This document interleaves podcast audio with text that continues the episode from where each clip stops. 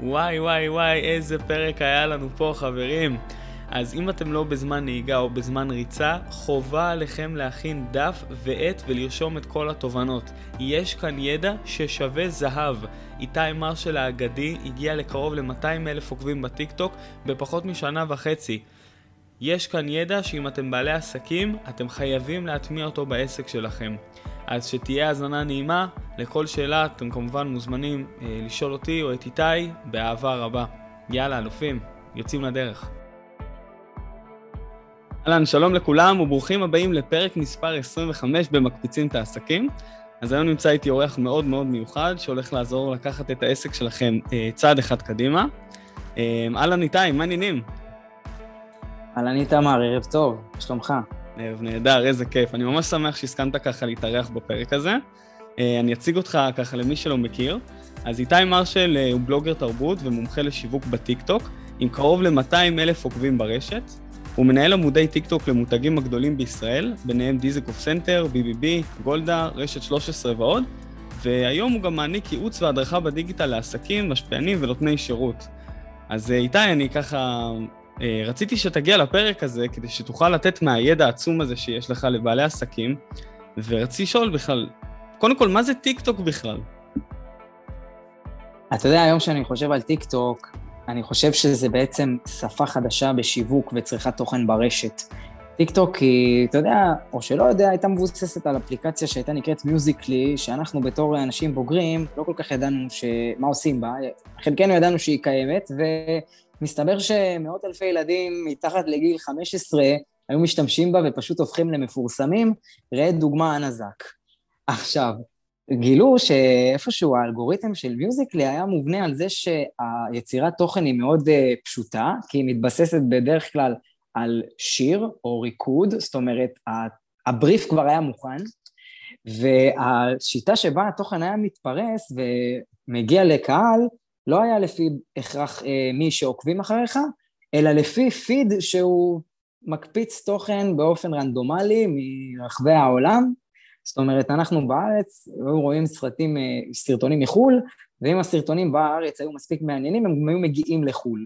וככה המון המון ילדים קטנים אה, קיבלו מאות אלפי עוקבים, בלי שהם יודעים מה הכוח של זה, והחברה שהייתה ממונה על זה, ByteDance, פשוט אמרה, זה בעצם בנינו פה את הדבר הבא שייתן fight ליוטיוב ולאינסטגרם בכל הנוגע לבידור מהרשתות החברתיות, וגם בעיקר אה, ללמוד דברים חדשים מהרשתות החברתיות. היום טיק טוק היא הפכה להיות מה שהיא, מבחינת האלגוריתם והבסיס זה ה-DNA של Musical.ly, מבחינת התוכן הקיים הוא כבר הרבה יותר אה, מגוון, מתאים כאילו ברמה של אה, יוטיוב, מרמת התוכן שעולה שם, פשוט יותר קצר. התוכן, איך שאנחנו רואים אותו, הוא באופן מאונח, כמו שאנחנו מחזיקים את הנייד, הסרטונים מאוד קצרים, הם רצים בלופ, ועצם העובדה שהיום אנחנו נחשפים דרך הטיקטוק לסרטונים שהם רנדומליים, גם מבחינת התוכן שקורה בהם וגם מבחינת היוצרים שעושים אותם, נותנים בעצם כוח מאוד מאוד חזק לאנשים חדשים שרוצים לפרוץ לרשת, שרוצים להראות את עצמם, שרוצים להציג את העסק שלהם, בלי להתעלות לחסדי פייסבוק וגוגל, שהיום מאוד מאוד תחרותיים, מאוד uh, מעכבים ומאוד סוחטים כסף.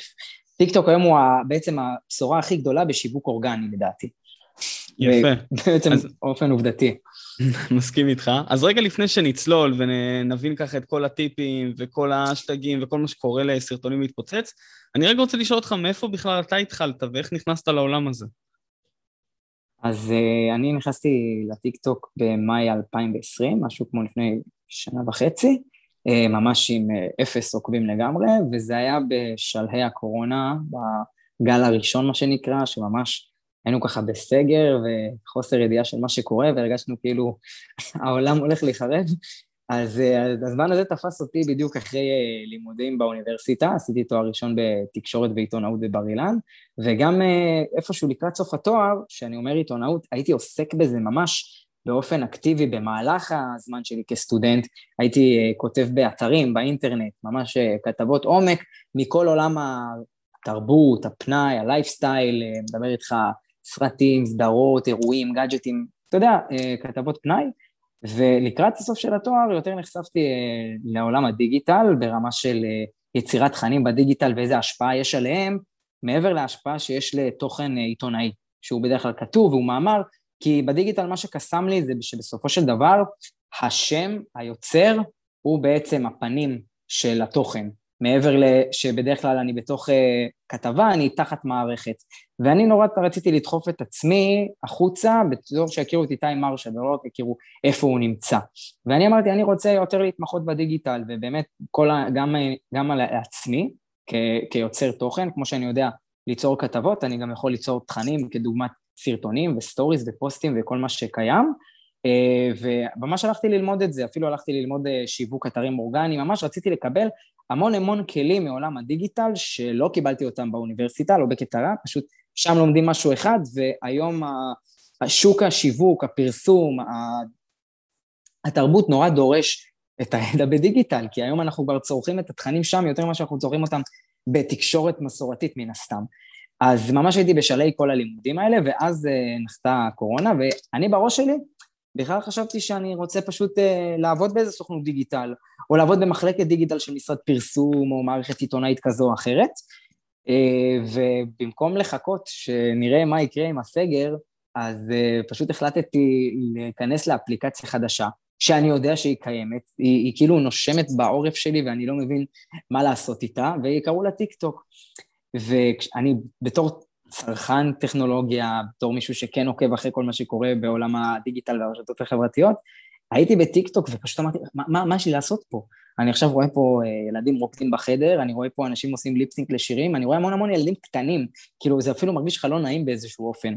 עד שקורה איזה משהו קטן שנופל האסימון ואתה מתחיל לראות שיוצרי תוכן מאוד חזקים מהעולם, מתחילים בעצם לתרגם את התוכן שלהם לטיקטוק, משמע סרטוני יוטיוב ארוכים ומאמרים ופודקאסטים וסרטוני אינסטגרם כאלה ואחרים, פשוט משועתקים לפורמט שהוא מאוד מאוד מאוד קצר, ברמת 15-20 שניות, שבה מעבירים פיסת תוכן, בוא נגיד מההתחלה ועד הסוף, כאילו אני מבין את המסר, ונורא קל לי להמשיך לצרוך עוד מזה, כמו טוויטר בווידאו, ככה אני בעצם פירקתי לעצמי את העניין של הטיק טוק, יצאתי מהאווירה הקיימת שם, ולקחתי את זה לעולמות שלי, לעולמות של העיתונאי, של הבלוגר, של, של המסקר, ובאמת uh, התחלתי לדבר על כל מיני דברים שהם מאוד RTM לתקופת הסגר בעולם התרבות.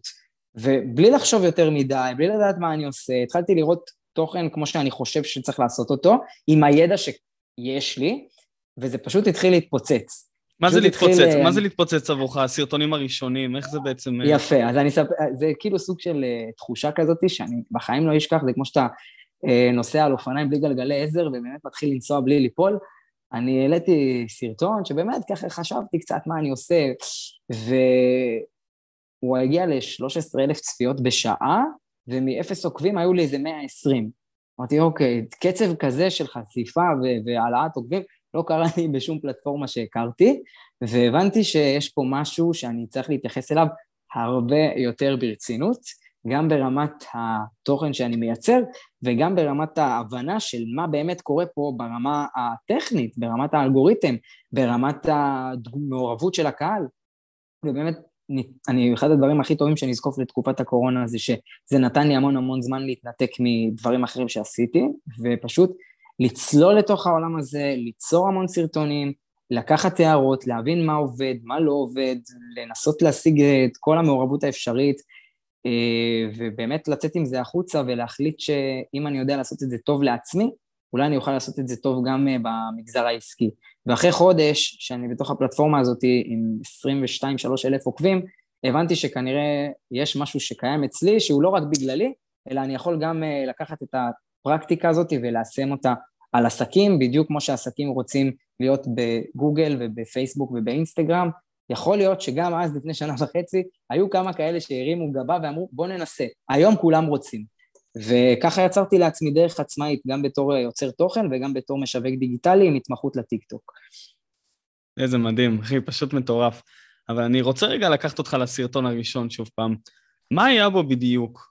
כלומר, הוא, הוא התפוצץ, אוקיי, אבל מה, מה היה בתוכן? 15 שניות של מה, ש... מה עשית? אני נגעתי בתוכן מאוד אקטואלי, שידעתי שיכול לעניין הרבה אנשים. וזה מה שאני, אני באותה תקופה דיברתי על דחיות של סרטי קולנוע שהיו צריכים לצאת, ובגלל הקורונה כל הזמן אה, דחו את התאריכים שלהם, ונתתי את זה כמו בולטים כאלה, אמרתי, אה, ג'יימס בונד נדחה לתאריך הזה, במהר עצבני נדחה לתאריך הזה, ואנשים, כאילו, כל החבר'ה הצרכנים בטיקטוק, הם לא קיבלו את המידע הזה משום מקום אחר בצורה כל כך פשוטה וברורה ו- ומעניינת, כי ידעתי שזה סרטים שכמו שאני מחכה להם, גם המון המון אנשים מחכים להם, בטח אה, בני נוער, וזה נורא נורא נגע להם, זה נורא חידש להם, והם אמרו, וואו, יש פה עכשיו משהו שאני רוצה לדעת, לא אכפת לי מי זה איתי, אכפת לי מהסרט שאני אוהב לראות ואני מצפה לו, אז אני אעצור שנייה, אני יודע שלוקח לי בדיוק 15-20 שניות לקבל את המידע הזה, אז אני אעצור ואני אצפה, ואני אולי גם אשלח את זה לחבר, ואולי אני אראה את זה עוד פעם, ואני אבחר לעקוב אחרי איתי אם הוא ממשיך להעלות תכנים כאלה שמעניינים אותי, וזה מה שקרה, אני חושב שהעניין של אה, לשמור על אה, אקטואליות בתוכן הופכת אותנו למאוד מעניינים, בלי קשר למי שאנחנו. זה, זה אני באתי מהגישה הזאת. אחרי זה התחלתי להבין יותר מה עובד בטיקטוק, גם ברמה הקהילתית יותר, גם ברמה היצירתית יותר. אוקיי, okay, אז בוא נשאר רגע על העניין של הנישה. כלומר, קודם כל התחלת עם נישה מסוימת, ומשם התחלת להתפתח אה, לשאר הנישות וגדלת לקהילה? זה מה שאתה מנסה להגיד? כן. כן, אני בהתחלה מאוד אה, נצמדתי לנישה מסוימת, כדי שמי שעוקב ואוהב את מה שהוא ראה, כנראה יקבל תוכן דומה מאותו עולם, בלי קשר אליי. שוב, אני נורא נורא שמתי את עצמי בצד. הכוונה, אני נורא הגשתי תוכן, אתה מבין? יצרתי תכנים באמת מתוך כוונה מלאה להגיש שירות לצופה. כי אני ידעתי שכשאתה... יש היום אנשים שהם נורא מרוכזים בעצמם. איך אני נראה, מה אני עושה, מה אני חושב, איפה אני אוכל. אין בעיה, אני מבין, אבל אני באתי ממקום קצת אחר, שאני קודם כל רוצה לקנות את האמון של הקהל, שיש פה מישהו שעובד ונותן לכם את העדכונים הכי חשובים והכי מעניינים מעולם התרבות והפנאי. אני נורא נורא נצמדתי לדברים האלה, אם זה ביקורות לסרטים בנטפליקס ולסדרות בטלוויזיה ולעדכונים כאלה ואחרים מאותו עולם, כי אני, אספר לך שבעבר אני הייתי כותב דברים כאלה באופן נרחב יותר באינטרנט, אז מה זה היה בשבילי? בשבילי היה, האתגר היה בסופו של דבר לתמצת קצת ממה שקורה, כדי לקבל אה, סוג של ויראליות מסוימת. ואז כבר התחלתי, אתה יודע, כשאני מקבל יותר קהל, אז פתאום הקהל הזה כבר כן מתעניין בך, הוא כן מכיר אותך. אתה גם רואה את זה כי אנשים מתחילים לעקוב אחריך באינסטגרם, כי הם רואים אותך בטיקטוק. אז הקהל עוקבים שלך באינסטגרם עולה, ואתה מתחיל להבין שיש פה אנשים שבאמת מחפשים ממך. אז זה כבר נותן לך חופש אה, ליצור דברים שהם קצת מחוץ לנישה, אבל עדיין בתוך מי שאתה, עדיין פתאום להראות את עצמך יותר. אז אתה גם קונה אמון ואתה גם יוצר חיבור רגשי. והחיבור הרגשי הזה בסוף זה מה ששווה את הכסף. יפה. אוקיי, מעולה. אמ, טוב, אז אמרנו שאנחנו ככה... אני מבין את זה טיפה, כי אני גם בטיקטוק, אני טיפה מתחבר, אבל יש כאן אנשים שממש אמרו לי, תמר, אנחנו ב basic, אנחנו רוצים את ה basic. אז כן. בוא נתחיל רגע, איך זה יכול לעזור לבעל העסק הקטן, כל הפלטפורמה הזאת של הטיק-טוק? חוץ מלהעלות את הסרטון ולהגדיל את העוקבים, כי הרי יש שם גם הרבה חבר'ה שהם ילדים בסך הכל. אם, אה, אם לדוגמה אני בעל עסק ואני פונה לקהל עסקי, אז איך הטיק-טוק יכול לעזור לי, חוץ מעוקבים? אז קודם כל אני אתחיל איתך מהעניין שבאמת זו נקודה שהעלית פה ונוגעת להרבה אנשים בתהיות שלהם בכלל, לפני שהם מתחילים ליצור תוכן, אם בכלל, זה האם הקהל שלי בכלל נמצא שם. וכל בן אדם ששואל את זה בעצם מחזק את העובדה שהקהל כן מתחיל להגיע.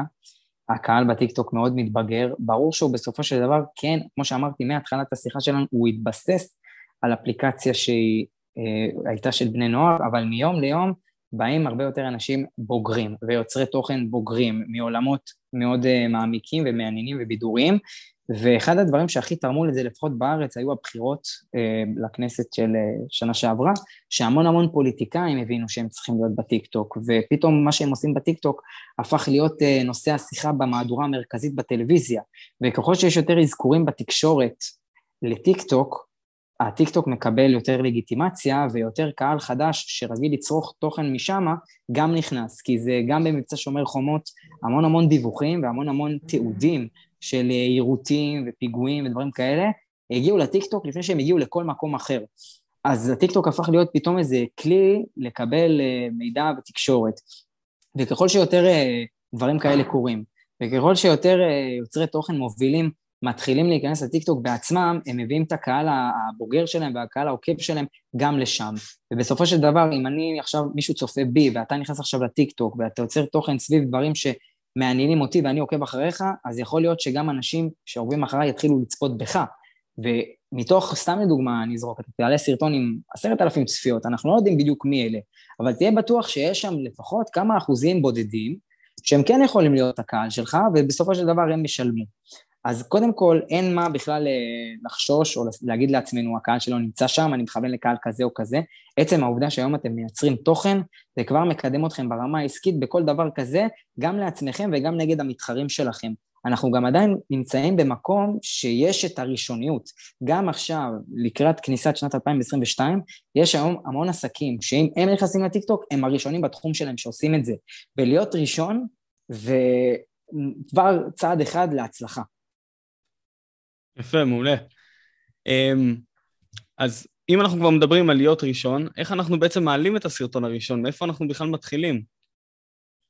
אז ככה, אחד הדברים שבאמת אה, מאוד אה, קוסמים בטיקטוק זה שיש לו ממש אה, עורך וידאו מובנה בתוך האפליקציה שנותן לנו המון המון אפשרויות עריכה שהיו בעבר נראות מתקדמות, רק לעורכי וידאו מקצוענים כאלה ואחרים לעשות, ממש בכף היד שלנו גם יש לנו אפס ניסיון, ומה שאנחנו צריכים לעשות זה פשוט להתחיל קצת לגעת בדברים, אוקיי? לא לחשוש, לבקש עזרה ממישהו שמכיר, לבקש עזרה מהילד, לפנות אליי או משהו כזה, אבל באמת, לעשות את הקצת מאמץ, באמת להבין, כי ברגע שהם מבינים את העניין הטכני, העניין התוכני והרעיוני, הוא זורם הרבה יותר מהר, כי במקום לחשוב איך אני אעשה את זה, אני כבר יודע מה לעשות, ואני יודע איך לעשות, אני רק צריך כבר להכניס את המה, ואז כבר התבנית אה, נהיית הרבה יותר אה, פשוטה בעיניים. עכשיו, כשאנחנו רוצים אה, לגשת לסרטון, אנחנו צריכים לחשוב קודם כל ברמה הכי, הכי פשוטה. יש היום אנשים שאומרים, אוקיי, אני אעשה סרטון בטיקטוק, ובעצם חושבים להרביץ את כל התורה של העסק שלהם בסרטון אחד, וזה לא נכון. קודם כל, לקחת את הכל לרמה של לדלל. לדבר בתתי נושאים. אם אנחנו עכשיו, יש לנו עסק מסוים, וסתם לדוגמה, יש לנו אתר, אנחנו נותנים שירות כזה או אחר, ויש לנו אפילו מאמרים באתר שהשקענו ורצינו ליצור, אין בעיה לקחת את המאמרים האלה ובאמת לפרק אותם לתתי נושאים, כמו למשל אה, חמישה טיפים איך אה, לטפל אה, בעדניות בחורף. אז יכולתי לעשות מאמר כזה מאוד ארוך של, של 1,500 מילים ולתת איך לעשות את זה ככה וככה, איך לעשות את זה ככה וככה, אז לקחת רק את הכותרות ובעצם לתת לקהל סוג של טעימה, לתת להם מצד אחד את המידע, אבל לא את כל המידע. כשאני יוצר סקרנות בסוף הסרטון, אז קורים כמה דברים. אני קודם כל אה, יכול לקבל תגובות שירצו לדעת יותר.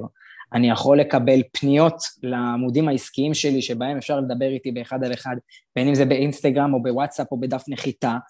אה, ושוב, אני גם יכול בעצם לקחת מהשאלות שאני רואה מהצופים, רעיונות לתוכן שאני אמשיך ליצור בתוך הטיקטוק, ובעצם אני אחזיר לקהל ש...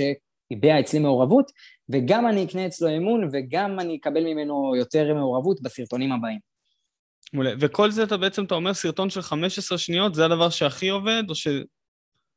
כן, אני אגיד ככה, אם עכשיו, בוא נדבר בצורה שהיא הכי אה, בסיסית אה, לצופים, צריך להתחיל בהתחלה אה, בצורה מאוד מאוד עדינה. עדינה הכוונה ברמת התוכן, אבל לא עדינה ברמת הכמות. יש אה, היום הבדל בטיקטוק מאפליקציות אחרות, בטח כמו אינסטגרם נגיד, שבמרכאות צריך להשקיע יותר בכמות מאשר באיכות. אם באינסטגרם נעלה יותר משני פוסטים ביום, הקהל שלנו יגיד, אנחנו חופרים, מה אנחנו כל הזמן רואים אותך בפיד? כאילו, יש בזה משהו. אבל בטיקטוק אנחנו יכולים להעלות שלושה סרטונים ביום, לצורך העניין, ולא נרגיש חופרים לאף אחד. כי כשאני אומר שסרטונים הם קודם כל מופצים לקהל זר, לפני שהם מופצים לקהל שעוקב אחרינו, אז יכול להיות שהסרטון האחד הזה בכלל הגיע לאנשים מה, מהאזור הזה, והסרטון הבא הגיע ל-5,000 מאנשים מאזור אחר, והרצף של איך שאנשים רואים את הסרטונים שלנו, הוא לא לפי אה, כרונולוגיה של, של הזמן שבה הסרטונים עלו. אז דווקא ככל שנפיץ יותר תוכן, יש סיכוי שנגיע ליותר עיניים, ויותר עיניים שוות יותר עוקבים פוטנציאליים, משמע קהילה, משמע מכירות, משמע גידול של העסק בכל מובן אפשרי, בין אם בתוך הטיקטוק ובין אם בעמודים עסקיים או עמודי מכירה כאלה ואחרים שאנחנו מפיצים דרכו. מעולה. אז מה שהייתי אומר, מה שהייתי אומר באמת להתחלה זה, אל, אל תפתחו עמוד טיקטוק, בלי שאתם יודעים שאתם הולכים להעלות בשבוע הראשון לפחות שלושה סרטונים. קודם צריך לעשות כאילו, תכינו את עצמכם לקראת זה, תדעו שאתם הולכים ליצור לפחות שלושה סרטונים, ואז, ואז תפתחו את העמוד. יכול לקרות מצב שבאמת תעלו סרטון אחד והוא יהיה כבר בשנייה הראשונה סרטון מטורף, אבל אם האלגוריתם לא יראה עקביות, הוא קצת יכבה לכם את העמוד, כי כל העניין, מה החוכמה? עכשיו יש סרטון שהוא נורא נורא ויראלי, ואנשים בסוף, סבבה, הם יראו את הסרטון, הם ייחשפו אליו, הם יעשו איתו לייק, תגובה, משהו כזה, אבל הם גם ירצו לראות מה קורה בעמוד, הרבה מהם ירצו לראות מה קורה בעמוד של מי שהעלה. ואם אנחנו נכנסים ואנחנו רואים uh, מעט uh, תוכן, אז משהו כאילו יורד לנו מאותו יוצר. אז אנחנו לא בטוחים אם אנחנו רוצים להמשיך לעקוב אחריו, כי הוא לא משדר פה סוג של uh, עקביות מסוימת.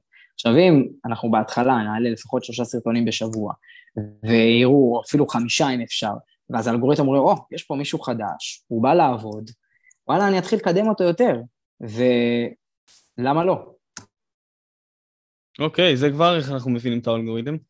אה, אילו עוד טיפים אה, של עשה ואל תעשה אנחנו יכולים אה, לקבל? אז ככה, אז שוב, אז דיברתי על כמות העלאה בסיסית בשבוע, דיברתי על בעצם המסר שאנחנו רוצים להעביר, לא לעשות אותו ארוך מדי. באמת, אם אנחנו עכשיו נותנים מידע מסוים, והעסק הוא אנחנו, ואנחנו מאוד ורבליים בתוכן שאנחנו נותנים, אז באמת, בהתחלה, לא לחפור.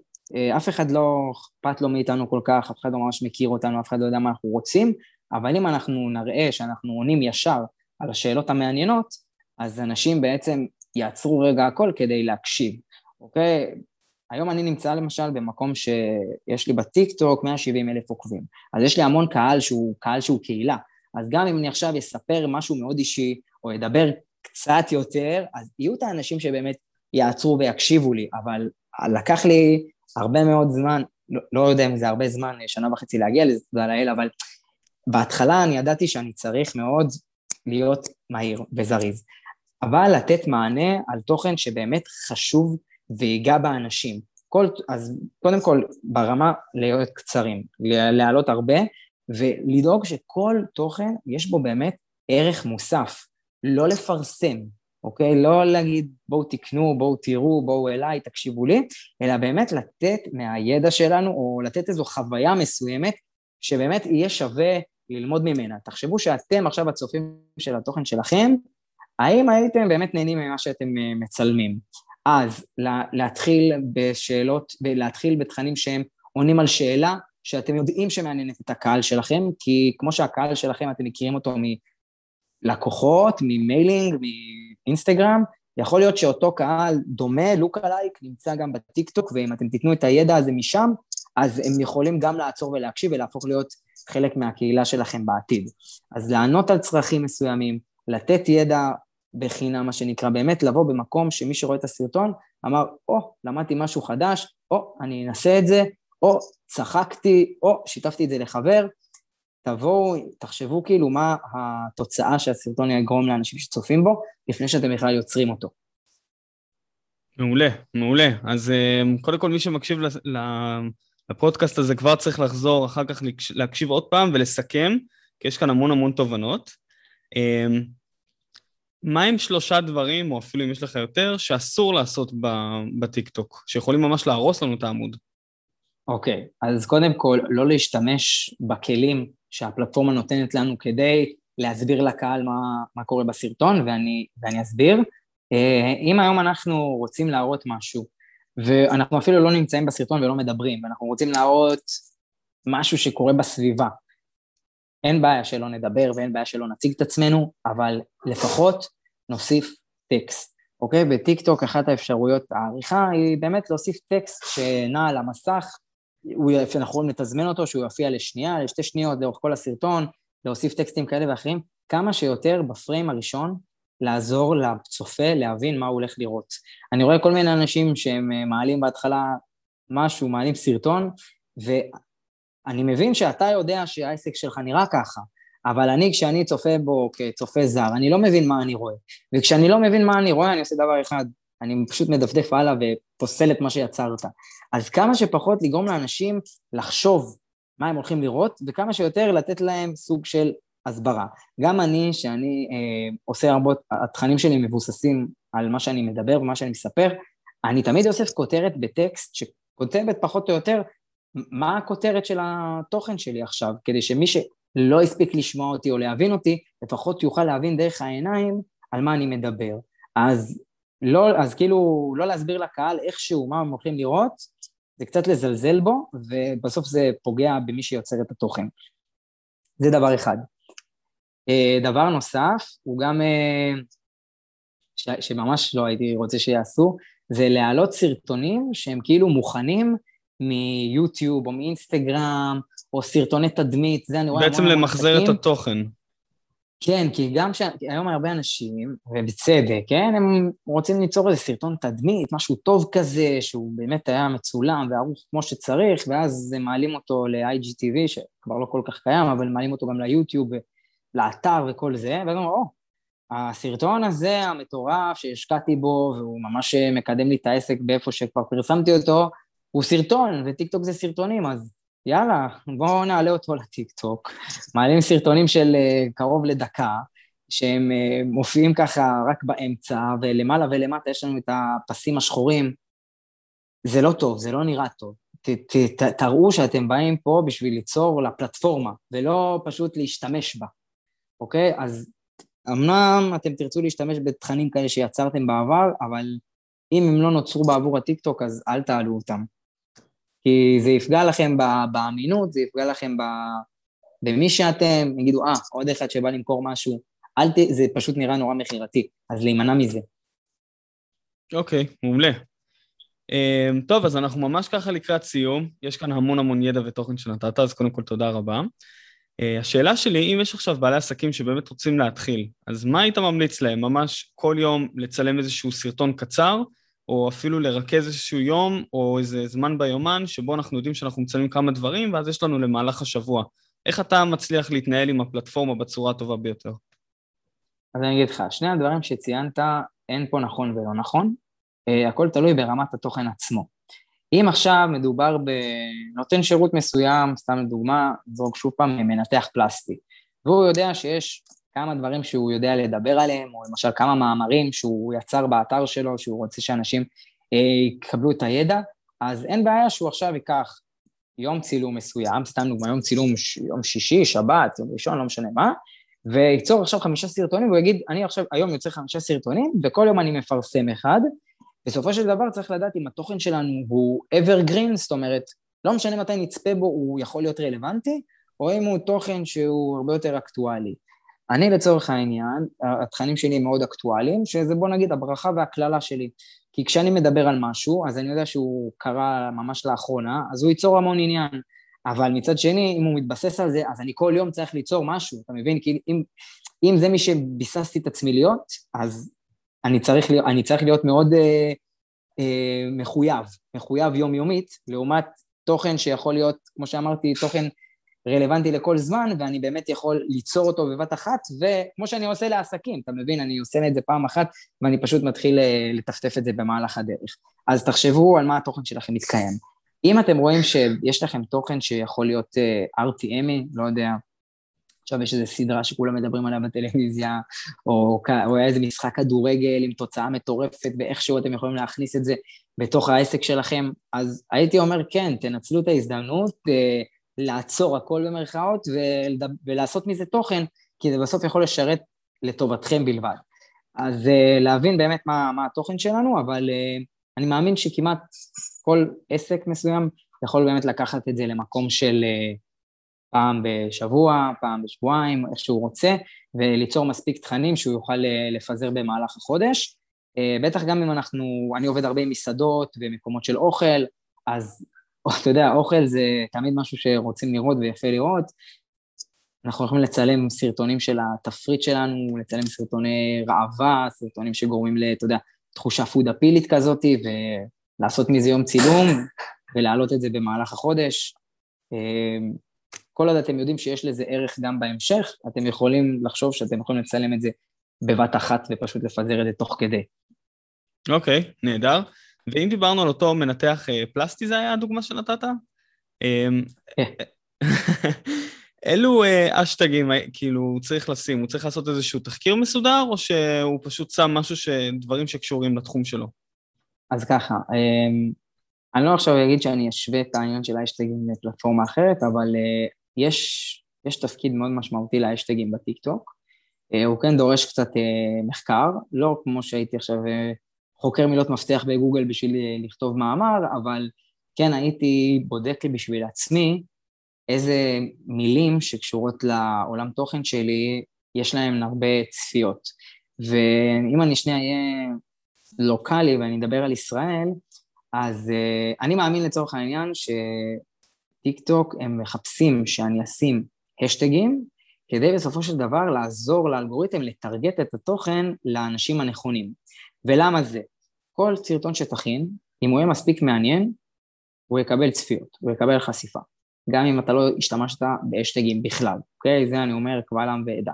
הנה, אמרתי את זה. אבל, אבל, להגיע להרבה אנשים זה נחמד, אבל להגיע לאנשים שבאמת מתעניינים בתוכן שלך זה הרבה יותר טוב.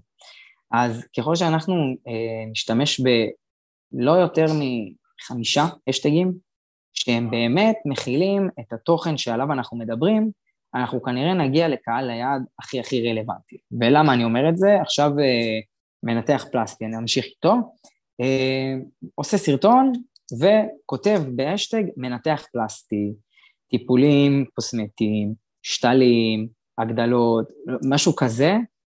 יכול להיות שהרבה אנשים שצופים בתכנים שקשורים לבריאות ולרפואה ודברים כאלה, ייחשפו לתוכן שלו. ולמה זה? כי האלגוריתם אומר משהו מסוים. אם הוא צופה, אם הוא צופה בי, וזה באמת, עכשיו אני אגיד את זה רגע באופן כללי, אפילו לא כבעלי עסק ולא כיוצרים, כצרכני תוכן, אם אתם רוצים שהטיקטוק יתאים את עצמו בשבילכם כמה שיותר, אתם צריכים ליצור כמה שיותר מעורבות בתכנים שבאמת מעניינים אתכם. עכשיו, אם, אנחנו, אם אני למשל אוהב דברים שהם קורים בחו"ל, ויש אשטגים כמו movies ו television ו entertainment ודברים כאלה, אני מגיע לתוכן, אם הוא מעניין אותי, אני נשאר לצפות בו. יכול מאוד להיות שמי שיצר את התוכן שאני עכשיו ישבתי וראיתי, ישתמש באשטגים האלה. עכשיו, יכול, אני כנראה צפיתי בסרטון עד הסוף. אני אפילו עשיתי לייק, אני אפילו בחרתי לעקוב, האלגוריתם מבין כמה דברים. קודם כל, יכול להיות שהוא אוהב את היוצר הזה, יכול להיות שהוא מבין את השפה הזאת, ויכול להיות שמעניינים אותו האשטגים שבהם היו, היו בסרטון. ומתוך כך, אחת הפעולות שיכולות לקרות הן שהוא יתחיל להביא לי עוד סרטונים של אנשים אחרים שמכילים את אותו השטג. ואז הוא מבין שיש פה קורלציה לא אה, בפני היוצרים עצמם, אלא בפני התוכן שעליהם הם מדברים. אז ככל שאנחנו נוסיף יותר אשטגים שקשורים למשהו שבאמת קורה בתוך הסרטון, שגם אחרים צופים בהם, יש יותר סיכוי שאנחנו נופיע אצל אנשים שצופים באנשים אחרים שמשתמשים בהם. מטורף לגמרי. אוקיי, אז זה באמת, זה כלי מאוד מאוד עוצמתי. אם אנחנו נרשום אוכל, נרשום אה, אוכל מקסיקני, נרשום אוכל חריף, אם נשתמש בשלושת האשטגים האלה לאיזה קסדיה עם אה, ספירצ'ה שהכנו, אז אנחנו כנראה נגיע לעיניים של אנשים שראו איזה מישהו אחר שמכין אוכל חריף או אוכל כלשהו, וגם הם ייחשפו אלינו. מדהים. אז אה, טוב, אז כל אחד והנישה שלו בעצם צריך למצוא את האשטגים. אה, כן, אבל פשוט ש... לא להתפזר, כן. כי היום אני אגיד מה לא לעשות. שאלת מה לעשות, אז בוא אני אביא לך עוד משהו. יש כן. אנשים שהם רואים אשטגים שנראים פופולריים ופשוט משתמשים בהם. כמו למשל אשטג ויראלי, אשטג ישראל, אשטג אה, שהוא קשור לאיזה טרנד מסוים, ואז הם לא, יוצ... הם לא עושים את הטרנד, אבל הם משתמשים באשטג, וזה פשוט אה, מחרבן לכם את החשיפה. אז אל תשתמשו בדברים שלא באמת אה, קשורים למה שאתם שמים בסרטון, כי אתם חושבים שכולם עושים. אם כולם עושים, אז אל תהיו כולם. יפה. אוקיי, איתי, אז תודה רבה קודם כל. שאלה ככה לסיום, איפה אנחנו הולכים לראות אותך בעוד שבע שנים? וואו, שבע זה מספר כזה מצחיק, שואלים חמש, עשר. כן, שבע זה... אז הבאת את זה, הבאת את זה בדיוק באמצע, אז uh, אין ספק שכל מה שקשור למתן הדרכה וייעוץ בעולם השיווק הוא משהו שאני אמשיך לעסוק בו, אבל בעיקר תראו אותי כנראה בטלוויזיה, בסדרות, אולי מנחה איזו תוכנית מעניינת, אולי משתתף באיזה סרט, יהיו הפתעות בדרך, מבטיח. יפה. אוקיי, אנחנו עוקבים. אה, אם היית יכול לחזור עכשיו אה, לאיתי, ביום הראשון שעשית את הסרטון הראשון בטיקטוק, איזה טיפ היית נותן לו? הייתי אומר לו, אל תילחץ ואל תקשיב לאחרים, כי יבואו אנשים וינסו לרדת עליך בהתחלה, וזה יערער אותך אם להמשיך, ויכול להיות שאתה תתרגש, כי אתה תראה שדברים לא עובדים תמיד כמו שאתה רוצה, אבל אחרי זה בעתיד הם מתבררים שהם בסדר גמור, אז פשוט תירגע ותעשה מה שאתה עושה כי אתה אוהב אותו, ולא בשביל מה שיגידו, בשביל התוצאות שיקרו. ומזה, מתוך המחשבה הזאת אני התחלתי. גדול שלך. בסדר גמור, אז uh, כל מי שרוצה עכשיו uh, ליצור איתך קשר, איך הוא בעצם יכול uh, לדבר איתך, חוץ מהטיקטוק, שאני אשים את כל הכישורים למטה? אתם פשוט מוזמנים לרשום איתי מרשל בעברית באינסטגרם, ואני עונה שם ב-DM, בכיף. האינסטגרם היום הוא כלי מאוד נוח לשיחות, שתדעו. כן, זה כלי מאוד... הרבה מכירות קורות דווקא שם, תפעלו. אוקיי. חוץ מזה, אתה נותן שירותים גם לבעלי עסקים, נכון? שרוצים בעצם להגדיל את החשיפה, כמו שאמרנו? כן, כמו שציינתי, יש עסקים שהם מרגישים שהם רוצים, אבל הם לא יכולים לגעת בזה, או אין להם את הזמן, אז uh, אני נותן את השירותים של uh, יצירת התוכן uh, בעסק עצמו, ניהול מלא, גם קריאיטיב, גם ביצוע, גם העלאה.